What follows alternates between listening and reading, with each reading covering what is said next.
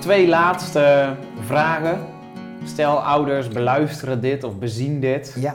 En jij mag A namens Peter Jan Donders een opdracht of een oproep of een antwoord geven aan pestkoppen. Ja. En B eentje aan kinderen die gepest worden. Ja. Wat zou je A willen zeggen tegen pestkoppen? Ja. En B, wat zou je willen zeggen tegen kinderen die gepest worden? Nou, tegen de pestkop is maar heel simpel. Eh, eh, pak iemand van je eigen lengte.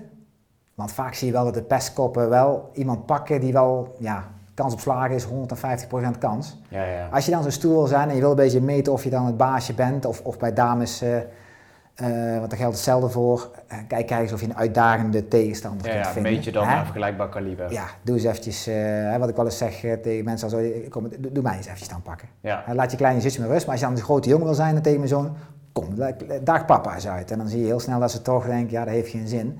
Dus ze kiezen vaak een te makkelijk slachtoffer. Ja. En daar vind ik niet cool. Kies een vergelijkbaar. Ja, je bent niet ja, cool ja. anders. als je Ja. dan zo, eh, dat niet doen. Oké. Eh, en voor degenen die gepest worden, is, is eh, eh, ehm, eh, j- jij bent eh, de sleutel tot, eh, tot de oplossing.